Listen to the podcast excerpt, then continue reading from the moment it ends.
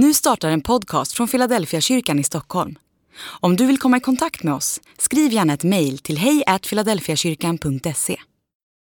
Har du någon gång varit med om något du inte kan förklara? En händelse utöver det vanliga. En glimt från en annan dimension. I kyrkan så kallar vi det ibland för en andlig upplevelse. En upplevelse av att det finns någonting mer.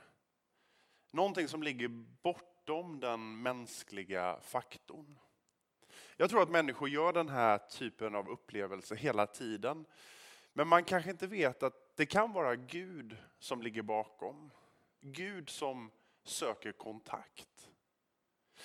Under två söndagar här i Philadelphia så tittar vi närmare på den första kyrkan i Europa och några av dess första medlemmar. Lukas, som är författare till Apostlagärningarna, han beskriver hur budskapet om Jesus för första gången når Europa. Ungefär 20 år efter Jesus har dött och uppstått. Det är Paulus som är ute på sin andra missionsresa. Han är i sällskap med Silas och Timoteus. Och den här gången så reser han längre västerut än tidigare. Han lämnar det vi kallar Asien och så reser han in i vår världsdel, Europa. Han reser till Grekland och en stad som heter Filippi. Och i den här staden då är det många som kommer till tro på Jesus. Men jag har valt att under de här två söndagarna zooma in på två olika personer. Två av de första församlingsmedlemmarna i den första kyrkan i Europa. Förra söndagen så talade jag om en eh, framgångsrik affärskvinna vid namn Lydia. Och den här söndagen så vill jag tala om en pensionerad soldat som extraknäcker som vakt vid det lokala fängelset. Han verkar inte ha någon tidigare religiös erfarenhet. Han är fängelsevakt och har en ganska hård attityd mot kristna. Vi möter honom i mitten av kapitel 16. Paulus och Silas de har tillfångatagits och misshandlats offentligt och de är anklagade för att störa ordningen i Filippi. Så de tas till det lokala fängelset efter misshandeln och där möter vi fängelsevakten. Vi läser från Apostlagärningarna kapitel 16 och vers 23. Fångvaktaren fick order att hålla dem i säkert förvar. Och för den skull så lät han dem sitta i det innersta fängelserummet och låste fast deras ben i stocken. Vid midnatt så höll Paulus och Silas bön och sjöng lovsånger till Gud. Och de andra fångarna hörde på. Plötsligt så kom ett kraftigt jordskalv så att fängelset skakades i sina grundvalar. I detsamma så sprang alla dörrar upp och bojorna föll av dem alla. Fångvaktaren vaknade och när han fick se att dörrarna i fängelset stod öppna så drog han sitt svärd för att ta sitt liv eftersom han trodde att fångarna hade rymt. Men Paulus ropade högt, gör dig inget illa, vi är kvar allihop.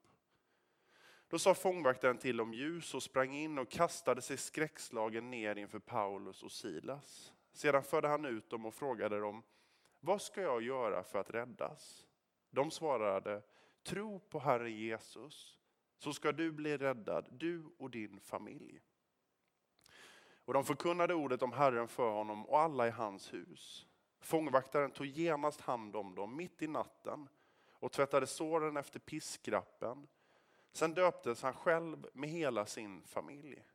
Han tog med dem upp i sin bostad och lät duka ett bord och han och hela hans hushåll visade stor glädje över att ha kommit till tro på Gud. Jag tänker mig att vakten som är i fokus idag, han hade kanske rest runt över den då helt, hela kända världen och stridit som soldat i den romerska armén. Men nu hade han slagit sig ner i Filippi för att leva ett mer stillsamt liv tillsammans med sin familj.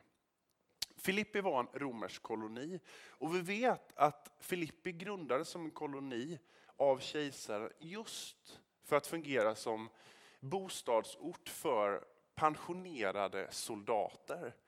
Och kejsaren gav före detta soldater som bodde i Filippi en mängd olika förmåner.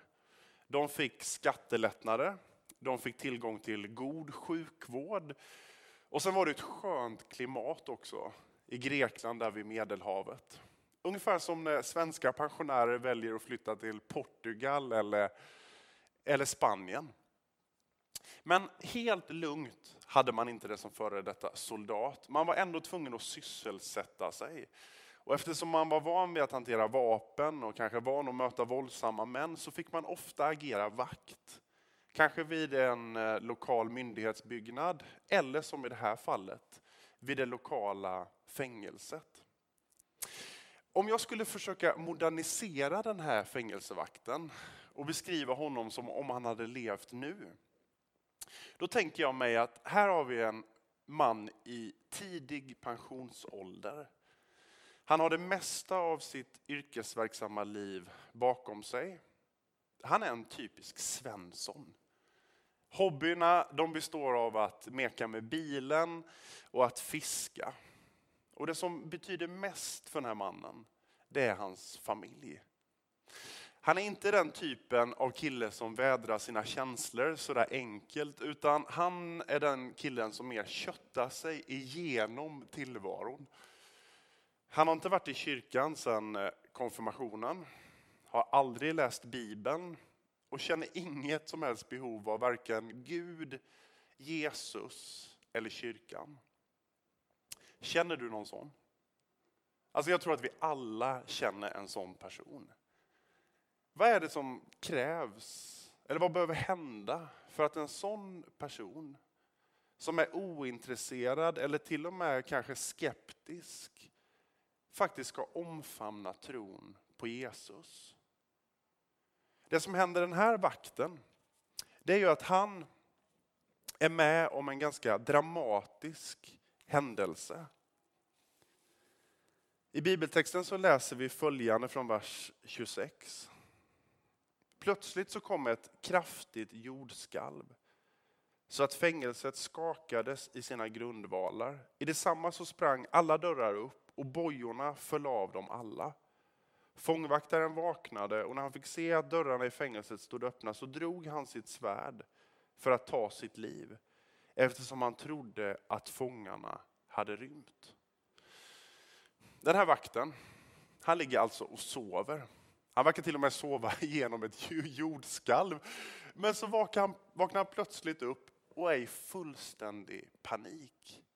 För han inser, jag har svikit mitt uppdrag. Alltså jag har somnat på min post.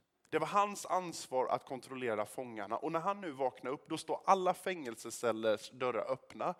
Och fångarna, ja, de kan fly var de vill.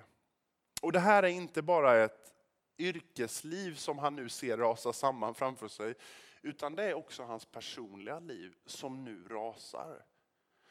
För i romarriket på den här tiden så var det ju så att om du var fängelsevakt, då var de här fångarna som du var satt att vakta, de var ditt ansvar. Och om de rymde, då fick du själv betala med ditt eget liv. Så han inser, jag kommer bli avrättad. Det är lika bra jag tar mitt eget liv. Men så händer ju följande. Paulus ropade högt. Gör dig inget illa. Vi är kvar allihop. Då sa fångvaktaren till om ljus och sprang in och kastade sig skräckslagen ner inför Paulus och Silas. Den här jordbävningen, den skakar ju inte bara om grunden varpå det här fängelset står, utan den skakar ju om grunden för den här mannens liv. Vi ser ju att när fångarna har rymt, eller när fångarna inte har rymt utan de är kvar i fängelset, så tänker man att han först ska känna sig lättad. Okej, okay, jag får behålla jobbet och jag får behålla mitt liv. Men han verkar inte alls lättad. Han är allt annat än fine. Vi läser ju att han kastar sig skräckslagen ner inför Paulus och Silas. Vad är det som händer? Varför är han inte lättad? Varför är han skräckslagen? Ja, men det är ju så att den här omskakande upplevelsen, när hela hans liv skakas om, det får ju den här vakten att se någonting som han aldrig har sett tidigare. Nämligen, Gud finns. Och Gud inte bara finns, utan Gud verkar ha sån makt att han till och med kan skaka om kontinentalplattorna. Och de här fångarna som han har låtit lida i sitt fängelse efter piskrapp, han har inte hjälpt dem, inte vårdat om dem. Paulus och Silas, det är ju Guds ambassadörer.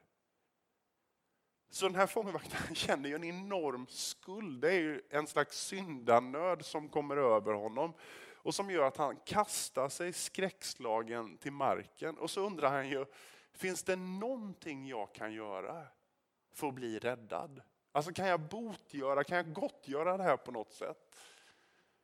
Och då svarar ju Paulus, det finns en sak du kan göra.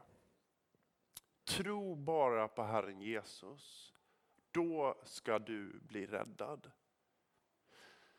Det här, det här tar vakten till sig. Han börjar tro på Jesus och i slutet av den här storyn så läser vi om hur han och hela hans familj döper sig och så går de med i den här nystartade lokala kyrkan där i Filippi.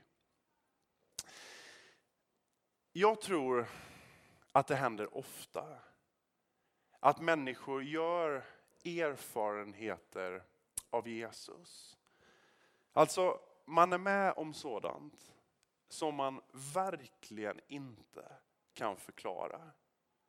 Jag har kommit i kontakt med flera personer som har gjort sådana upplevelser och som har sökt sig hit till vår kyrka.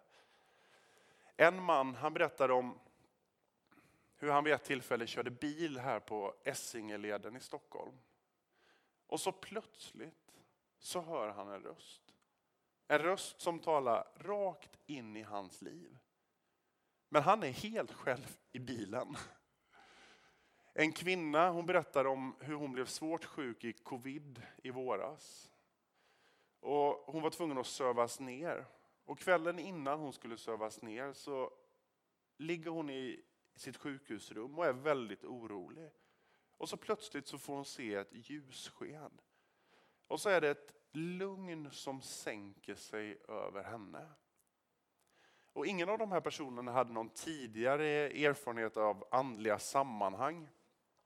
Men de här upplevelserna fick, fick de här att ställa frågan, vad är det jag har varit med om egentligen? Och kan det här vara Gud? Om du som tittar kallar dig kristen, då skulle jag vilja bara uppmana dig att om du hör någon berätta om sådana här erfarenheter, gör då som Paulus gjorde. Våga säga till dem att ja, men jag tror faktiskt att det där är Gud du har upplevt i ditt liv. För det kan leda till att man får ett samtal om det här med kristen tro. Min erfarenhet är att människor inte alltid är beredda att ta det samtalet där och då. Men jag tror det är viktigt att man hjälper människor att se kopplingen, kopplingen mellan deras erfarenheter och Gud. Till sist så skulle jag vilja vända mig till dig som kanske inte kallar dig troende.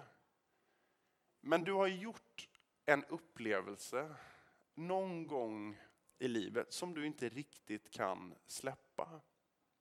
Och för någon var det kanske dramatiskt, som för den här fängelsevakten. Du var med om något superdramatiskt, men för någon annan kanske det var helt stilla.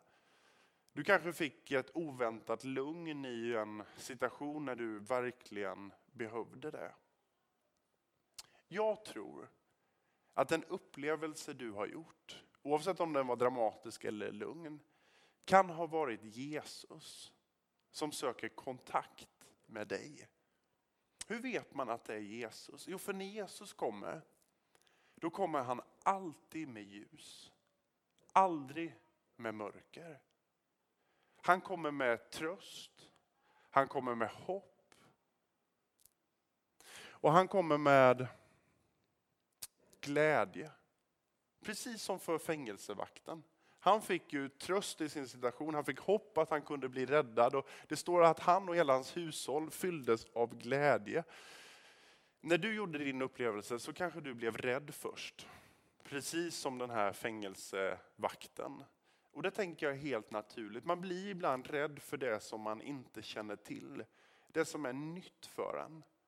Men jag vill bara säga till dig att jag tror att skälet till att du gjorde din upplevelse, det är för att Jesus vill visa för dig att han är en verklighet. Och Jesus vill tala om för dig att du är inte ensam. Ditt liv det har betydelse och du är skapad för att leva i en ständig gemenskap tillsammans med honom. Och om du vill etablera den kontakten med Jesus eller återknyta den, då kan du nu väldigt enkelt bara be med i en bön som jag nu ska be. Vi ber. Jesus, jag vill få kontakt med dig. Jag vill släppa kontrollen och se vem du är. Förlåt mig för det som har gått snett i mitt liv. Från den här stunden så vill jag leva mitt liv i gemenskap med dig. Amen.